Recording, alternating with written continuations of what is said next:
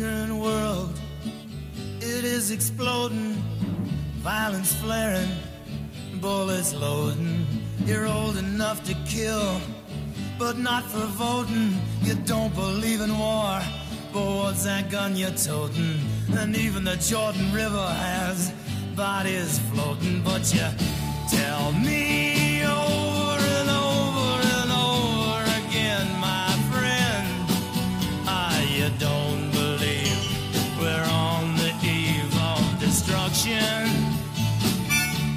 Merhaba sevgili Geek Teori takipçileri. Tekrar Çek Podcast'a hoş geldiniz. Buz ve Ateş'in şarkısı serisini bölüm bölüm incelediğimiz podcast'ın bu bölümünde taht oyunları Bran 7 bölümüne bakacağız. Bu bir tekrar okuma podcast olduğu için spoiler uyarısını yapayım. Her şeyden bahsedebilirim. Yayınlanmış 5 kitap, dizi, yan kitapların hepsi, kış rüzgarlarından yayınlanmış bölümler ve yazarın söyleşileri. Bu bölüm sizlere konsey üyelerimiz tarafından getirildi. Lord Dynamis, Lord Murat Çetin, Lord Göktuğ Türk, Lord The Cold Corpse, Lord Lazarus The Devoted, Lord Kanlı Kılıç Filamars, Hürsuvari Kadir Ufuk İçöz ve Knights Queen Quaith. Yeni katılla beraber özel bölümlerde devam ediyor. Önümüzde bir sürü özel bölüm olacak. Ve bunlardan ilki Pembe Mektup üzerine. Pembe Mektub'u ele alacağız. İçeriğine, ne anlama geldiğine, hikayedeki önemine bakacağız. Ardından fandomdaki teorileri ele alacak ve mektubu kimin yazdığına bakacağız.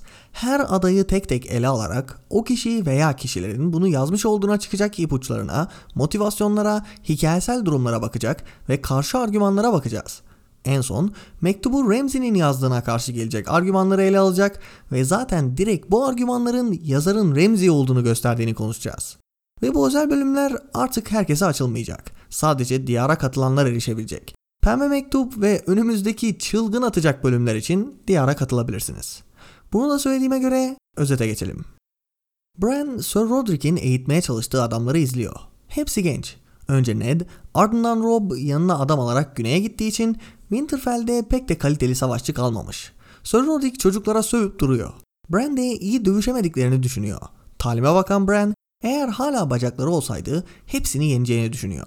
Belki de Sir Roderick Bran'e uzun saplı bir balta kullanmayı öğretirse, Hodor da onun bacakları olursa ikisi bir şövalye olabilirler. Luwin bunun sıra dışı olacağını söylüyor. Bran bir zamanlar kör bir şövalye olduğunu söylüyor inatla. Simeon Star Eyes, yaşlıda da anlatmış. Ama bunların sadece hikaye olduğunu söyleyen Christopher Hitchens yani şey Lewin bu rüyaları bir kenara bırakması gerektiğini söylüyor. Rüyalar demişken Bran dün gece rüyasında üç gözlü kargayı görmüş. Birlikte lahitlere inmişler ve babası oradaymış. Konuşmuşlar ve Ned üzgünmüş. Peki ne için üzgünmüş? John'la ilgili bir mesele yüzünden. Hodor mahzen mezara inmek istemiyormuş. Bran onu götürmeyi denemiş ama Hodor'layan Hodor bir türlü aşağı inmemiş. Bran de o kadar öfkelenmiş ki yaşlı dadının bazen yaptığı gibi ensesine vurmak istemiş. Ama yapmamış tabi. Lewin, Bran'in neden mezara inmek istediğini soruyor. Babam orada mı görmek için. Richard Dawkins yani şey Lewin, Ned'in bir gün oraya gideceğini ancak bunun olmasına uzun yıllar olduğunu, babasının kraliçenin esiri olduğunu, onu mezarda bulamayacağını söylüyor. Bran, dün gece oradaydı, onunla konuştum dediğinde, inatçı çocuk diyen Sam Harris, gidip bakmak ister misin diyor. Ardından Osha'yı getirtiyor ve Bran'i taşıyan Osha, Yaz ve bir meşaleyle beraber yeraltı mezarlarına iniyorlar. Osha iyi davrandığı için zincirlerini çıkarmışlar. Sadece ayaklarında iki demir halka var. En son ne zaman mahzen mezarlara indiğini hatırlayamayan Bran, önceden kardeşleriyle burada oyun oynadığını hatırlıyor. Keşke şimdi onlar da yanımda olsa diye düşünüyor. Ve Yaz, ona da bulaşan kederle yürürken birden duruyor. Mezardaki Stark heykellerini görüyoruz. Osha, zalim adamlarmış diyor. Bazıları ayaklarının dibinde yatan kurtlar kadar vahşi görünüyor. Lewin, Bran'den Osha'ya bu kralların tarihini anlatmasını istiyor ve heykellerin yanından geçerken kış kralları ile ilgili bilgiler alıyoruz. Ardından Torrent Stark geliyor. Diz çöken kral. Ondan sonrakiler Winterfell lordları oluyor. İşte büyük babası Rickard, yanındaki de amcası Brandon ve Lyanna. Kız çok güzelmiş diyen Osha üzerine 8. sezonda isyanın bir yalan üzerine kurulu olduğunu söyleme sebebi bu pasaj olma ihtimali yüksek olan Bran şunu söylüyor. O Kral Robert'ın nişanlısıydı. Evleneceklerdi ama Prince Rhaegar Lyanna'yı kaçırıp ona tecavüz etti. Robert onu geri almak için savaş başlattı, üç dişli mızrakta Rhaegar'ı baltasıyla öldürdü ama Lyanna öldü. Sonuçta onu geri alamadı. O sırada zamanı geldiğinde Ned'in koyulacağı Lahdin önüne geliyorlar. Daniel Dennett, bak Bran sana söylemiştim burada kimse yok. Rüyalar sadece rüyadır derken karanlık hırlayarak üstüne atlıyor. Tüylü köpek ve Luwin cebelleşiyor ve kurt adamın elini ısırıyor. Bu sırada yaza bağıran Bran'le beraber tüylü köpekle yazın kapışmaya başladığını görüyoruz. Rickon tüylü diye bağırınca tüylü köpek ona dönüyor. Rickon babamı rahat bırakın diyor. Bran babasının burada olmadığını söyleyince Rickon onun buraya geldiğini, rüyasında gördüğünü söylüyor. Bran, Luwin'i hiç bu kadar kafası karışmış görmediğini düşünüyor. Bu yaratığın zincirli olması gerektiğini söyleyen Luwin üzerine Rickon'un onu serbest bıraktığını öğreniyoruz. Bran, Rickon'u onlarla gelmesi için ikna etmeye çalışıyor ve Luwin'in kulesine gidiyorlar. Luwin'in kulesi darmadağınık. Bölümün başında göktaşına bakıp notlar alan ve şu an kulesinde yıldız haritaları ve hesaplamalar bulunan Neil deGrasse Tyson bunun saçmalık olduğunu söylüyor. İkisi de aynı rüyayı görmüş olabilir ama duruma mantıklı yaklaşırsa ikisinin de babası için endişeli olduğunu söylüyor. Babalarının esir olduğunu bildikleri ve onu özledikleri için aynı rüyayı görmüş olduklarını, bunun denk geldiğini söylüyor. Rüyalar sadece rüyadır diyor. Osha bazılarının sadece rüya, bazılarının rüyadan fazlası olduğunu söylüyor. Ormanın çocuklarından bahsedince Lewin onların artık sadece rüyalarda yaşadığını söylüyor. Brandon yaşlı dadının anlatılarından bahsediyor. Lewin bütün o şeyleri büyüyle yaptıklarını söyleyip keşke burada olsalar da kolumun acısını da büyüyle dindirseler diyor. Bundan bir ders çıkar Bran. Büyülere bel bağlayan insanlar camdan kılıçlarla duello yapar. Ardından kalkıp bir kavanoz alan Lewin parlak siyah ok uçları çıkarıyor. Osha ejderha camı dediğinde Bertrand Russell obsidyen diye ısrar ediyor. Ormanın çocuklarının yıllarca bunlarla avlandığını, metalleri bilmediklerini anlatıyor. Kılıç yerine obsidyenden yapılmış bıçaklar taşırlardı dediğinde Osha hala taşıdıklarını söylüyor. Ejderha şamlarına bakan Bran bir tanesinin kendinde kalıp kalamayacağını soruyor. Rickon da dört tane istiyor çünkü dört yaşındaymış. Bran bana çocukları anlatın diyor. Lewin de tarihi bildikleri şekliyle anlatmaya başlıyor. Eskiden Westeros'ta insanlar yokmuş. Sadece ormanın çocukları varmış. Mağaralarda, gizli ağaç kasabalarında yaşarlarmış. Onların bilgelerine yeşil görenler denirmiş. Nereden geldikleri ve ne kadar süre hüküm sürdükleri bilinmiyormuş. Ama 12 bin küsür yıl önce Dorne'un kırık kolu henüz kırılmadan evvel ilk insanlar Essos'tan Westeros'a geçmiş. Bronz kılıçları ve büyük, güçlü yapılarıyla ormanın çocuklarına üstün geliyorlarmış. Büvet ağaçlarını kesiyorlarmış. Çocuklar ve insanlar savaşmış. Bu sırada yeşil görenler daha fazla ilk insanın gelişini önlemek için denizlerin çekici denilen büyüyü yaparak Thor'un kolunu kırmış. Savaş her iki ırktan da bayağı kan dökülene kadar sürmüş. Ardından iki ırkın bilgeleri yani yeşil görenler ve insanların şefleri Tanrı gözündeki adada büvet ağaçlarının ortasında buluşmuş. Anlaşma orada imzalanmış. İnsanlar kıyı şeritlerini, bataklıkları, düzlükleri ve dağları alırken ormanın çocukları derin ormanları almış. Artı diyardaki hiçbir büvet ağacına bir daha balta vurulmayacakmış. Bu anlaşmadan sonra 4000 yıl boyunca barış ve uyum içerisinde yaşamışlar. Sonra ateş ulusunun saldırmasıyla her şey değişmiş. Andallar gelip boğaza kadar ilerlemişler. Orada kuzey kralları tarafından durdurulmuşlar ama güneydeki büvet ağaçlarını yakıp kesmişler. Ormanın çocukları da kaçmış. Kuzeye kaçmışlar ve derken yaz ulumaya başlıyor. Tüylü köpek de ayağa kalkıp ona katılıyor. Bran geliyor diye düşünüyor dehşetle. Dün geceden beri bildiğini fark ediyor. Louis'nin haklı olmasını istiyor. Rickon ağlamaya başlıyor. Elindeki ok uçları yere düşüyor. Bran kardeşini kendine çekip sarılıyor. Lewin gelen kuzguna bir akrepmiş gibi bakıyor. Ardından bacağındaki mektubu alıyor. Üstad kağıdı açarken Bran titriyor. Nedir? diye soruyor. Ne olduğunu biliyorsun evlat diyor Osha elini Bran'in başına koyarak. Lewin onlara bakıyor. Cübbesinde kan, gözlerinde yaş var. Lordlarım biz biz onun yüzünü çok iyi tanıyan bir taş oyma ustası bulmalıyız. Ve böylece Bran 7 sona eriyor. Ned'in idamını yeni geçtik. Ondan önce kan büyüsü vardı. Ondan önce iki savaş okuduk. Ve Bran 7 bölümü o bölümlerin gölgesinde kalan bir bölüm oluyor. Benim için Taht Oyunları kitabının son kısmında aldığımız bölümlerin en aşağıda olanı bu bölüm. Kitabın başlarındaki Bran bölümleri muazzamdı. Ancak dördüncü bölümden sonra gelenler kendi başlarına bakıldığında çok güzel olsa da diğer hikayelerin bayağı gölgesinde kalan bölümler oldular. Mesela gelecek bölümde Sansa 6'yı alacağız. Taht Oyunları kitabı boyunca Sansa hikayesinde verilen o muazzam arkın taçlanması yapılacak. Alacağımız Daenerys bölümleri yine öyle. Ama işte bu kitaptaki Bran hikayesi birbirine uyumlu bölümlerde verilen bir hikayenin sonu gibi olmuyor. Bölümde duyduğumuz çoğu şey serinin ilerisinde devreye girecek şeyler. Bölümdeki altyapıların çoğu yine bayağı ileri dönük. Ama yazar ilk kitabı yazarken hikayenin çok daha kısa sürede biteceğini düşündüğünden o aşırı ileri dönük olan altyapılar aslında o kadar da ileride devreye girmeyecekti. Tabi altyapıların, ileri dönüklüğün falan bölümün ve ilk kitaptaki Bran hikayesinin diğerlerinden zayıf kalmasındaki etkisi öyle büyük değil. Asıl sıkıntı elimizde uyumlu, bir yerden bir yere doğru giden bir karakter arkı sunan bir hikaye olmamasında yatıyor. İkinci kitap mesela bunun tam tersi. Ama yine meta taraftan bakınca zannediyorum ki orijinal planda zaten bu ilk iki kitaptaki hikayeyi tek kitapta işleyebileceğini düşünmüştü. Bu bölümde aldığımız rasyonel düşünce ve mistik bakış gelecek kitapta aynen devam edecek. Artarak devam edecek. İlk kitaptaki Arya hikayesi de bunun gibiydi. Bu yüzden zaten hem Bran'in hem de Arya'nın son bölümünde gelecek kitapta nasıl bir hikaye alacağımızı görüyoruz. Söylediğim gibi bölümün kendisinde bir sorun yok. Güzel bir bölüm. Ama ilk kitaptaki Bran hikayesinin kapanışı olduğunu ve diğer bölümlerin arasında böyle bir bölüm aldığımızı göz önüne alınca aşağıda kalıyor işte. Yine aynı Arya 5 bölümünde olduğu gibi gelecek kitaptaki Bran hikayesini görebildiğimiz bir bölüm alıyoruz. Okuyucuları onun gelecek kitapta oynayacağı role, hikayesinin nasıl bir yol izleyeceğine falan alıştırmaya, hazırlamaya yarıyor. Bran, Starkların evindeki bakış açısı olacak. Güneyde olaylar dönerken Winterfell'dekilerin neler yaptığını alacağız. Bran hikayesindeki o politik taraf ve büyüsel tarafın dengesini göreceğiz. Bu bölümde Osha gelecek kitaptaki Jojen rolünü oynuyor.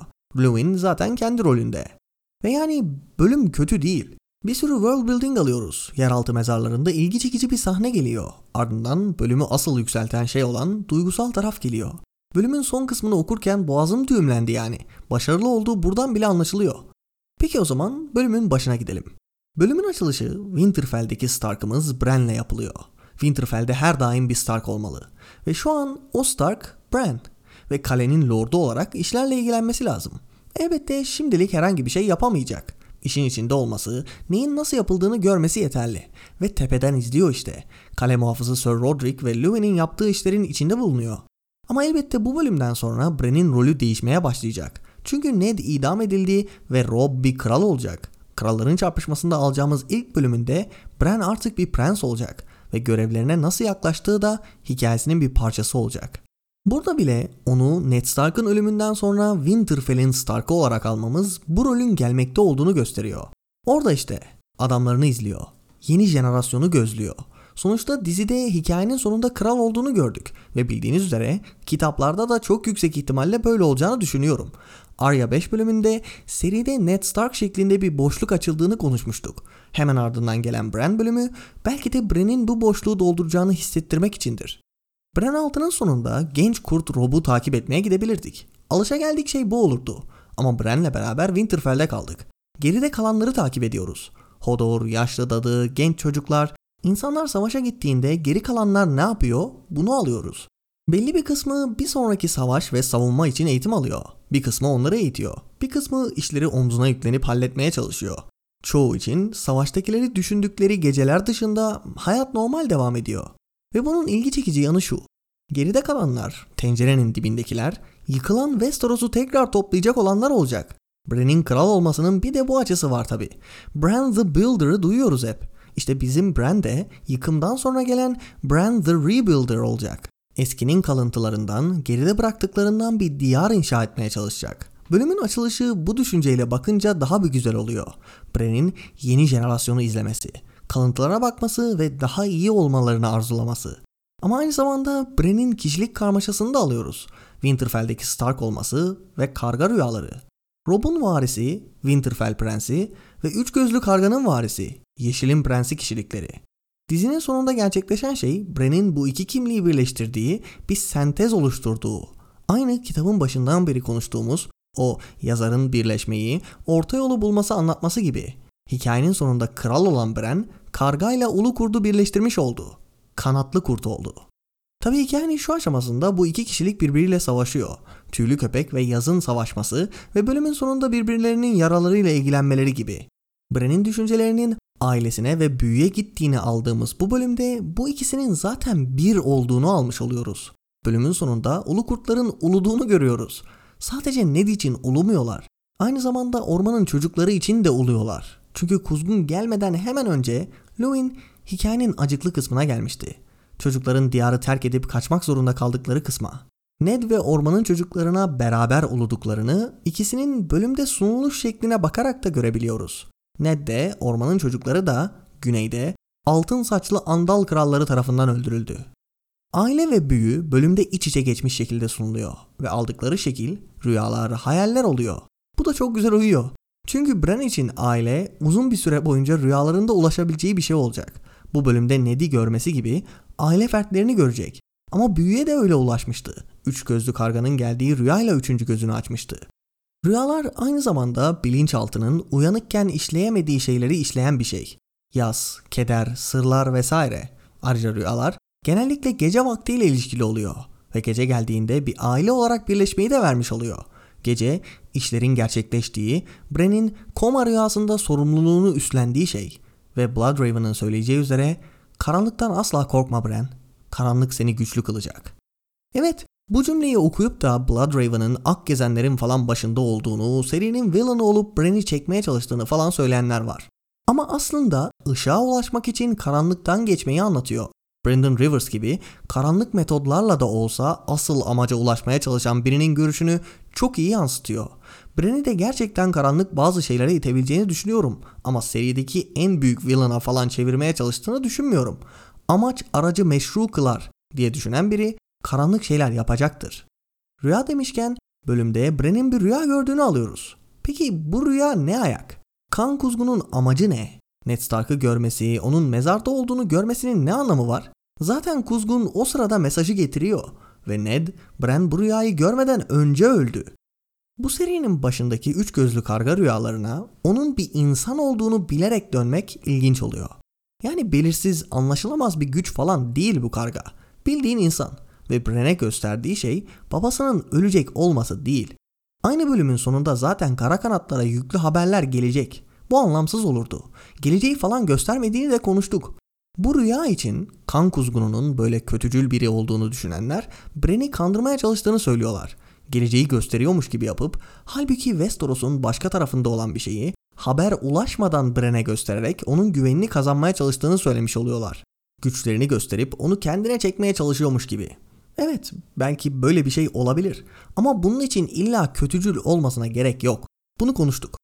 Bu adam doğru olduğunu düşündüğü şey için bir çocuğu manipüle etmekten çok daha fazlasını rahatlıkla yapabilecek biri.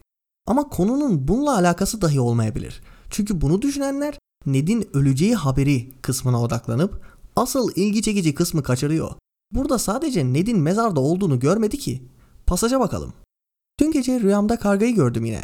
Üç gözlü olanı. Penceremden odama girdi ve onunla gitmemi söyledi. Ben de gittim. Birlikte lahitlere indik. Babam oradaydı. Konuştuk. Üzgündü. Peki neden üzgündü? Üstad tüpünden bakıyordu. Sanırım John'la ilgili bir mesele yüzünden. Evet, üç gözlü karga sanki Ned'in hayaleti ruhuyla beraber rüyaya gelmiş gibi. Böyle söyleyince saçma oluyor biliyorum ama metaforik olarak hayalet veya ruh diyorum. Belki de gerçektir orasını kim bilir. Asıl ilginç olan şey bu. Üç gözlü karga tutup da babasının öleceğini falan söylemedi. Bildiğin Ned'in anılarına, düşüncelerine sahip bir kopyası gibi bir şey var karşımızda. Çünkü John'la ilgili bir meseleden dolayı üzgün olması bunu gösteriyor. Belki de Ned'in son anlarındaki düşüncelerine erişmiş ve onu Bren'e sunmuş olan bir üç gözlü kargadan bahsediyoruz şu an. Bildiğiniz üzere Ned'in son anlarını Arya'nın gözünden aldık. Onun bakış açısından görmedik. Belki de son anlarında büyüsel bir şekilde Bran'le konuşma fırsatı buldu. Kara hücredeyken John'u düşünmenin kendisini kedere boğduğunu düşünüyordu. Keşke onunla son bir kez görüşebilsem diye düşünüyordu. Yani kesinlikle Bran'in rüyasındaki Ned bir şekilde bizim bildiğimiz Ned'le aynı. Söylediğim gibi bizzat kendisi olabileceği gibi son anlarındaki hali, bir kopyası veya bambaşka bir şey ama aradaki farkı anlayamıyorsan gerçeği bilmenin ne önemi var? Gerçek olup olmamasının ne önemi var? Asıl önemli şey Ned'in Bran'le konuşmuş olması. Babam oradaydı, konuştuk diyor. Üzgün olduğunu ama spesifik olarak ne konuştuklarını, ne için üzgün olduğunu hatırlayamıyor. John'la ilgili bir mesele olduğunu biliyor ama o kadar. Ve bu bayağı acıklı bir şey. Çünkü belli ki Ned, Bran'e John'un anne babasını anlatmış. Ned'in ölmeden önce üzgün olduğu şey bunu John'a söyleyememiş olmaktı. Yeraltı mezarlarıyla Bran ve Jon'un gerçek kimliği ilişkilendirilmiş oldu. Seride bunu öğreneceğimizi düşündüğümüz şeyler Bran, Howland Reed ve yeraltı mezarlarındaki bir ipucu falandı. Ve acıklı taraf Bran'in bunu unutmuş olması. Gerçek tam önündeydi. Ama bu büyüsel konularda tecrübesiz olması, yaşının küçük olması, onun bu önemli konuyu kavrayamamasına, gerçeğin elinden kaçmasına sebep oldu. Gülen Ağaç Şövalyesi hikayesinde de böyle olacak işte. Bran hikayesi üzerinden Jon'un anne babasının Rhaegar ve Lyanna olduğunu neredeyse anlatmış olan hikayeyi alacağız. Ve yine zaten normal birine anlatılsa alt mesajı okuması gerekebilecek bir hikaye, Bran'in çocuk olması yüzünden iyice alt metnin kaçtığı bir noktaya gelecek. Bran hikayedeki en olmadık şeylere odaklanıp onu alt metni çok daha basit olan bildiği hikayelere çevirmeye çalışacak. Tabi bütün bu büyülerin karşısında skeptik Üstad Lewin duruyor. Bran hikayesinde büyüsel taraf rüyalarıyla, Osha'yla, ileride Jojen, Üç Gözlü Karga ve Ormanın Çocuklarıyla desteklenecek. Diğer taraftaysa skeptik, rasyonel Üstad Lewin var. Bran'i daha ayakları yere basan bir yerde tutmaya çalışıyor. Savaş vaktinde kaledeki işlere odaklanmasını istiyor. Bu saçmalıklara vakit ayırmasını, onlarda kaybolmasını istemiyor. Ve baktığın zaman herhangi birimiz böyle davranabilirdik. Aynı zamanda kendisi yaşlı dadının da karşıtı. Yaşlı dadı Bren'in aklını muazzam hikayelerle dolduruyor ve Lewin onları daha ayakları yere basan bir hale getiriyor. Başlangıçta hayallerden bahsediyor. İngilizcesi yine dreams yani rüya ile aynı olan şeyden. Bren'in Simeon Star Eyes gibi olmak istemesi üzerinden Lewin bu çocuksu fantazileri bir kenara atmak istiyor. Bran hikayesi boyunca bu dinamikle karşılaşacağız.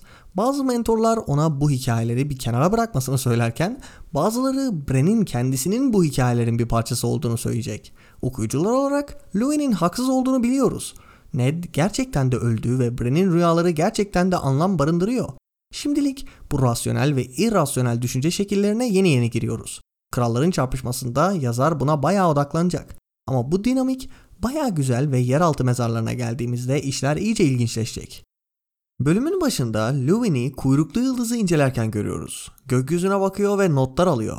Buradaydı, buraya geldi ve izleyeceği yol şu şekilde gibi hesaplar yapıyor. Kuyruklu yıldıza tamamen rasyonel yaklaşıyor. Ama hikayenin devamında göreceğimiz üzere herkes ona bir anlam yükleyecek. Bazıları daha büyüsel, bazıları daha metaforik olacak. Kuyruklu yıldız gökyüzündeki bir Rorschach testi olacak her bakan bambaşka bir anlam çıkaracak. Yani Louis'nin tamamen rasyonel bakmaya çalıştığını gösteren şeylerden biri de bölümde gölgeleri ölçtüğünün geçmesi. Gölgeleri ölçmek tarihimizde de iş yapmış bir şey. Gölgeler sayesinde dünyanın çapını falan ölçtüklerini biliyoruz. Ama Buz ve Ateş'in şarkısında gölgeler dediğimiz zaman genelde büyüsel şeyler aklımıza geliyor. Akgezenler beyaz gölgeler olarak geçiyor. Miri Mazdur'un gölgelerle dans ettiğini gördük ve gelecek kitapta suikastçı gölgelerle karşılaşacağız. Ama Lewin işin orasında değil. Şimdi seride bilimsel yani rasyonel düşünce veya büyüsel yani irrasyonel düşüncenin tamamen haklı olduğunu görmeyeceğiz. Bazen karakterler olmayan yerlere büyüsel anlamlar yükleyecek ve yanlışa gidecekler. Bazen tamamen büyüsel şeylere tırnak içinde mantıklı anlamlar yüklemeye çalıştıklarında yanıldıklarını göreceğiz. Ve serinin adında da gördüğümüz, önceki bölümlerde de konuştuğumuz üzere yazar bir birleşimden bahsediyor. Tamamen rasyonel veya tamamen irrasyonel gitmektense bu bakış açılarının sentezinin doğru olduğunu aktarmış oluyor. Peki o zaman yeraltı mezarlarına inelim. Aslında detayına inmeye kalksam burada konuşacak çok şey var. Bran bir sürü Stark'tan bahsediyor. Theon Stark, Jon Stark, Cregan Stark ki kendisi favorilerdendir. Young'ın Brandon vesaire. Ama eğer açıp bakarsanız bu Stark'ların çoğu hakkında aldığımız bilgiler bayağı sınırlı. Hatta bazıları hakkındaki bilgimiz bu bölümde geçenlerle sınırlı. Ama bazıları hakkında yan kitaplarda daha fazla bilgi aldık. Örneğin Cregan Stark gibi. Burada detaylara inip teker teker kimin ne yaptığından bahsetmeyeceğim. İnceleme wiki sayfasına dönmesin. Burada değinmem gereken şey ufak birkaç pasaj. Öncelikle Osha heykellere bakarak zalim adamlarmış diyor. Ardından Bren'in düşüncelerinde şu pasajı alıyoruz. Heykellerden bazıları tüylü ve sakallıydı. Ayaklarının dibinde yatan kurtlar kadar vahşi görünüyorlardı. Bren'in atalarının bembeyaz falan olmadığını bilmesi, bu şekilde düşünmesi güzel. Düşüncelerinde zalim oldukları, vahşi durdukları falan geçiyor. Bu insanlar benim birer parçam ve benim parçam olmalarının sebebi muazzam şeyler, iyi şeyler yapmaları değil. Yani benim parçam olmaları ve korkunç şeyler yapmış olmaları benim de korkunç şeylere sebep olabileceğimi gösteriyor. Ve Lewin bu adamlar için sert devirlerin çetin adamları diyor.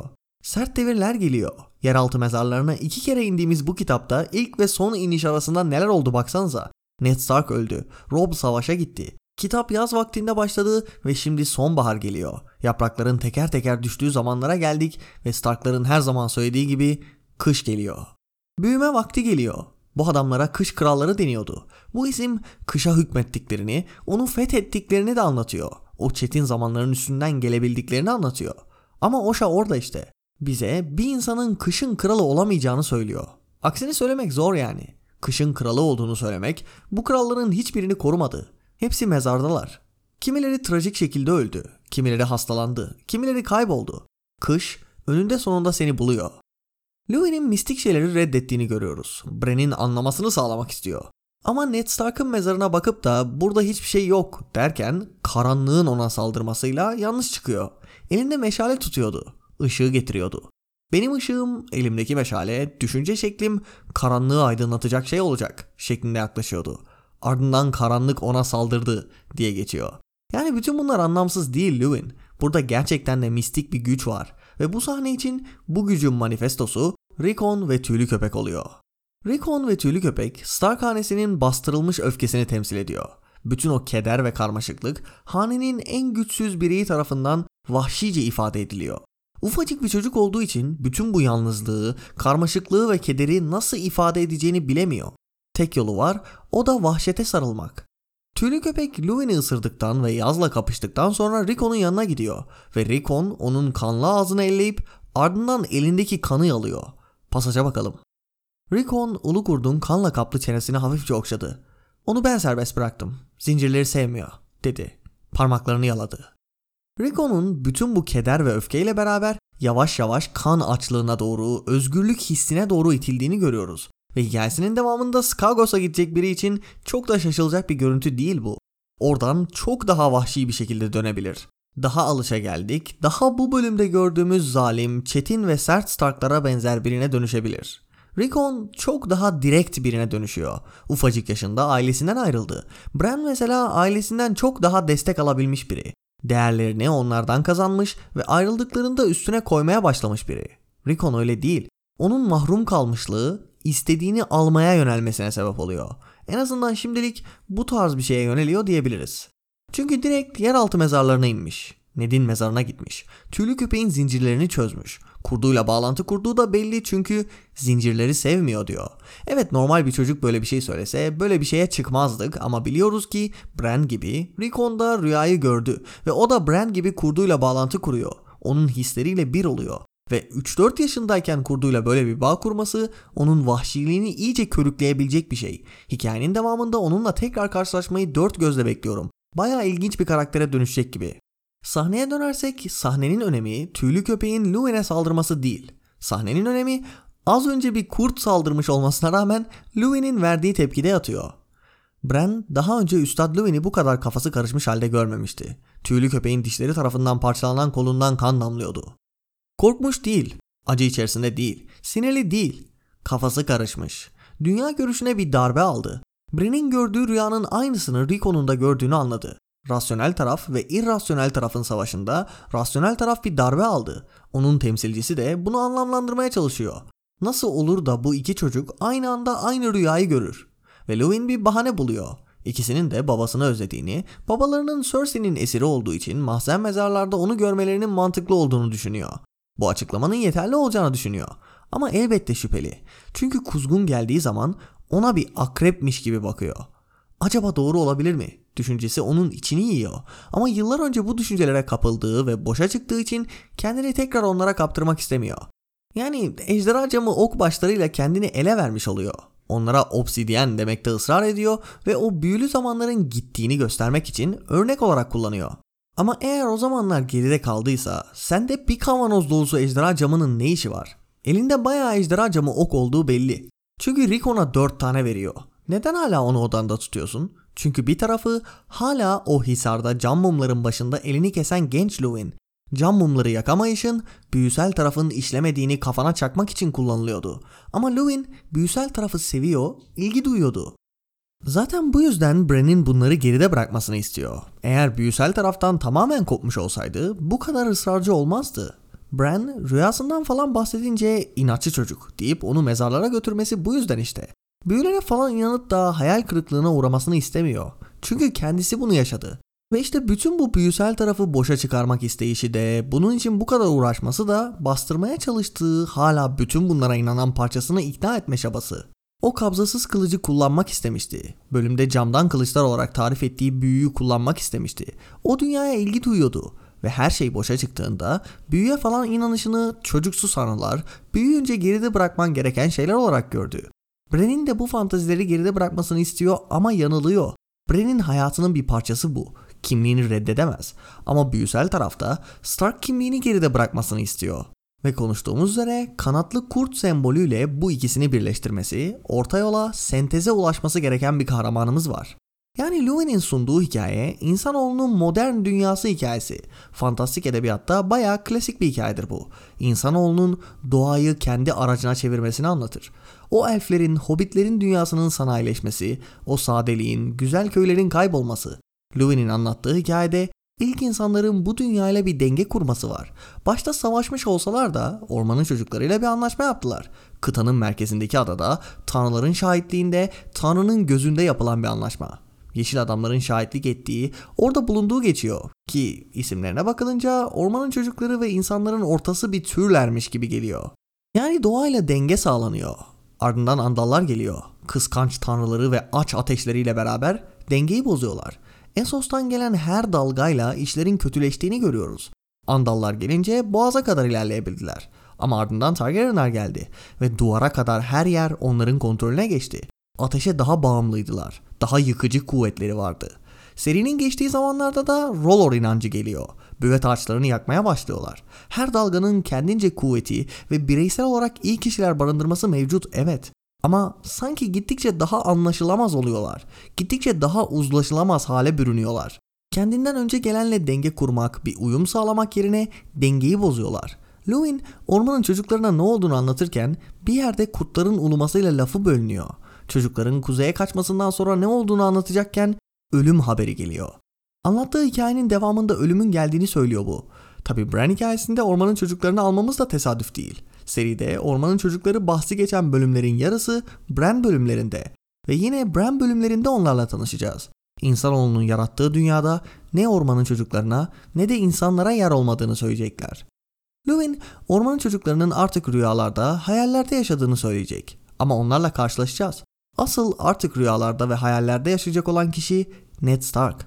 Ormanın çocuklarının aksine onunla sadece görülerde, rüyalarda karşılaşacağız. Ve işte bu bölümün ormanın çocuklarının falan ortak teması yaz. Ormanın çocukları kaybettikleri dünya için yas tutarken Starklar kaybettikleri insanlar için yas tutacak. Ve tabi bölümün sonu geliyor. Rickon ejderha camı ok başlarını düşürüyor. Bran Rickon'a sarılıyor. Tüylü ve Yaz birbirinin yaralarıyla ilgileniyor. Lewin bu keder anında bile hala rasyonel tarafa görevine odaklanmaya çalışıyor. Onun yüzünü iyi bilen bir taş ustası bulmaktan bahsediyor. Hala işini yapmaya çalışıyor. Ned Stark'ın öldüğü haberiyle rasyonel tarafa iyice yaslanmaları gerektiğini düşünüyor. Çünkü zor zamanlar geliyor. Bunu da söylediğime göre ima ve altyapılara geçelim. Analiz kısmında kuyruklu yıldızdan bahsetmiştim. Söylediğim gibi kuyruklu yıldız gökyüzündeki bir Rorschach testi oluyor. Herkes biçimsiz boşluğa kendince anlam yüklüyor. Ve okuyucular için en çok ilişkilendirilen şey de ejderhalar oluyor. Büyük teori açısından bakınca da ejderha tohumu olan ve aya çarparak metaforik olarak ejderhaların gelmesini sağlayan şey olduğu için mantıklı zaten. Şimdi bu söyleyeceğim şeyin altyapı veya ima olup olmadığından emin değilim. Ama olma ihtimali var ve zaten bu bölümü incelerken konuşulması gereken bir şey. Yeraltı mezarlarına indiğimizde Rickard ve Brandon Stark heykellerinin orada nasıl öldüklerine dair bir bilgi alıyoruz. Pasaja bakalım. Ve işte büyük babam, Lord Rickard, Deli Kral Aerys tarafından başı kesilmiş. Yandaki lahitlerde kızı Lyanna ve oğlu Brandon yatıyor. Bran'in aktardığı bu bilgi yanlış. Lord Rickard Aerys tarafından başı kesilerek öldürülmedi. Canlı canlı yakıldı. Peki bu çelişki nereden kaynaklanıyor? Sanırım Ned Stark olayların en korkunç tarafını çocuklarına anlatmamak için gerçeği biraz değiştirerek vermiş. En korkunç tarafını törpüleyerek anlatmış. Sanırım diyorum çünkü emin değiliz. Ama sahne onların gerçek ölümüne göz kırpıyor. Çünkü tüylü köpek saldırdığında Louis'nin taşıdığı meşale düşüp Brandon'ın heykelinin dibine geliyor ve bacakları is içinde kalana kadar yanmasını sağlıyor. Elbette yanan kişi Brandon değildi ama sahnenin gerçeğe göz kırptığını düşünüyorum. Bu yüzden ima mı değil mi emin değilim. Bran'e dönersek Hodor'un mahzen mezara inmek istemediğini söylüyor. Onu zorlamaya çalışıyor. Hatta inmemekte ısrar edince sinirleniyor ve ensesine vurmak istiyor. Burası diziyi de düşününce çok net bir ima oluyor. Hodor, karanlık, dar ve sağlam bir kapıyla korunan bir yere girmek istemiyor. Hold the Door mevzusunu düşününce bunun ima olduğunu görebiliyoruz. Yalnız ilginç olan şey Hodor'un tutmak zorunda kalacağı kapının duvarın kuzeyinde olup olmayacağı. Belki dizideki gibi olur. Belki başka bir kapıyı tutmaya zorlanır. Belki direkt bu kapıyı tutmaya zorlanacaktır. Bunu göreceğiz. Ama önemli olan diğer bir altyapımız da yine burada gelmiş oluyor. Bran Hodor'u bir yere gitmeye zorluyor. Hodor karşı duruyor ve Bran'in onu zorlayacak başka bir yolu yok. Ancak hikayenin devamında başka bir yolu olacak. Hodor'a deri değiştirip onu ilerlemeye zorlayabilecek. Ve söylediğim gibi Bran bir çocuk olduğu için bunun ne kadar sorunlu bir şey olduğunu tam olarak kavrayamıyor. Ama gerçekten bayağı sorunlu. Bran ne zaman ona deri değiştirse Hodor dövülmüş bir köpek gibi kendi vücudunda bir köşeye çekiliyor. Önceden de söylediğim gibi Bran'in bu karanlık şeyde en fazla ilerleyeceği noktanın Hodor olacağını düşünüyorum. Hodor'un Hodor olmasına sebep olanın kendisi olduğunu öğrendiğinde tatlı yaz çocuğumuzun bunun ne kadar yanlış olduğunu kavrayacağını düşünüyorum. Hazır Hodor'a deri değiştirmek demişken bölümde bununla ilgili güzel bir imamız var. Uzun saplı bir balta kullanabilirsem Hodor'da bacaklarım yerine geçer. İkimiz bir şövalye olabiliriz. Bu epey sıra dışı olur dedi Üstad Dwayne. Bir adam dövüşürken kolları, bacakları ve zihni uyum içinde olmalı Bran. Yani tekrar okurken veya diziden gelindiğinde imayı görmemek imkansız herhalde. Hodor'un bacakları yerine geçebileceğini söyleyen Bran ve bacaklarla zihnin uyum içinde olması gerektiğini söyleyen Lewin'le beraber bu tarz bir şeyin ancak deri değiştirmeyle mümkün olacağını almış oluyoruz. Deri değiştirme ve vorglukla ilgili imalarımız, altyapılarımız bununla sınırlı değil. Hemen pasaja bakalım.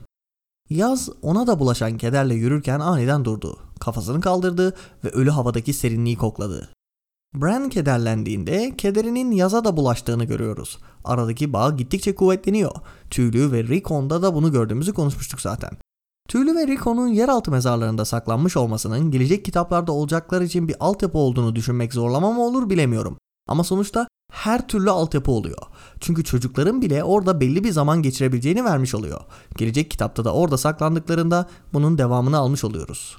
Son bir potansiyel ima olarak şu cümleden bahsetmek istiyorum. Tarihini hatırlıyor musun Bran? Yine diziyle beraber düşününce Bran'in tarihi bilip bilmemesiyle ilgili soru manidar oluyor. Sadece dizi değil, kitaplarda da geçmişe baktığını göreceğiz. Ejderhaların dansında mesela ormanın çocukları ve üç gözlü karganın olduğu mağaradan bağlantı kurarak bir büvet ağacının gözlerinden gittikçe geçmişe doğru ilerleyen anlara bakacak. Hazır ormanın çocukları demişken bölümde ormanın çocukları ile ilgili verilen bilgilere biraz değineyim istiyorum. Fazla detaylı gitmeyeceğim çünkü zaten elimizde fazla bilgi yok. Gerçekleşenlerin tarihi hakkında bile fazla bilgimiz yok. Lewin'in bu verdiği tarihler yanlış bir kere. Bundan eminiz. Yazar gerçek dünyadaki gibi olsun istemiş. İnsanlar bazı hesaplar yapıyorlar ama bazı olayların ne zaman gerçekleştiği hakkında tam emin değiller. Tam olarak doğru tarihleri çıkaramıyorlar işte. Yazar direkt tarih konusu için bunu söylüyor. Binlerce yıl önce gerçekleşmiş şeylerin direkt tarihini net şekilde vermektense insanların tahminleriyle bazı kanıtları birbirine ekleyip çıkarmasıyla ulaştıklarını veriyor. Kimi 10 bin yıl, kimi 8 bin, kimi 5 bin diyor. Yani gerçekleşen şeylerin tarihini bilmiyoruz. Yazar 5000'e yakın olduğunu söylüyor ki bu Lewin'in 12 bin yıl söylemiyle baya farklı. Yani iş sadece ne zaman gerçekleştiği de değil. Burada bir olay sırası veriliyor ve bu olay sırasının doğru olup olmadığını bilmiyoruz. Burada birbirinden sonra geldiği söylenen iki şey arasında diğer olaylar olabilir veya birinden sonra gerçekleştiği söylenen şey aslında ondan önce gerçekleşmiştir. Yani her şeye şüphe atılıyor. Ötekilerin ne zaman geldiği bile kesin değil. Lewin'in anlattığına göre ilk insanlar ve ormanın çocukları anlaşma yaptıktan sonra ancak andallar gelmeden önce ötekiler saldırmış gibi geçiyor. Ama anlaşma olduğu sırada gelmeleri de garip duruyor. Onları çocuklar yarattıysa belki de andalların gelişine tepki olarak gelmişlerdir. Ayrıca duvar ne zaman yapıldı? Eğer kahramanlar çağında yapıldıysa neden yapıldı? Tarihsel anlatılara göre o dönemde ak gezenler meydanda değil ki. Bildiğiniz gibi büyük teoride zamansal sorunlara çözüm diye bir bölüm yaparak bu tarz şeyleri anlamlı hale getirmeye çalıştık. Ama orada bile her şey tam oturmuyor. Bu yüzden detaylara girip de ayrıntılı şekilde Lewin'in anlattıklarını ele almaya gerek yok. Zamansal sorunlara çözüm partına bakabilirsiniz. Orada işlerin ne kadar karmaşık olduğunu yeterince anlatıyorum zaten. Belki de Bran 3 gözlü karga olduğunda bütün bu bilgileri doğru düzgün sıraya koymamızı sağlayacak bir şeyler görebilir.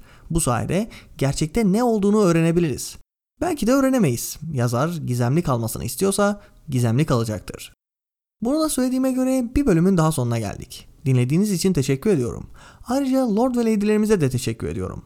Zaman Lordu Velat Akyol, Lord Haktan Baran Akkaya, Lord Kükreyen Aslan Ashen One, Lord Borcunu Ödemeyen Lannister, Lord Cesur Valandil, Bozkırların Azam Lordu Ömer Kayan, Lord Abdullah Er Yılmaz, Lord Alp Altu ve Lord Keyvan Javan. Gelecek bölümde Sansa'nın kitaptaki son bölümüne, Sansa 6 bölümüne bakacağız. O bölümde görüşmek üzere, hoşçakalın.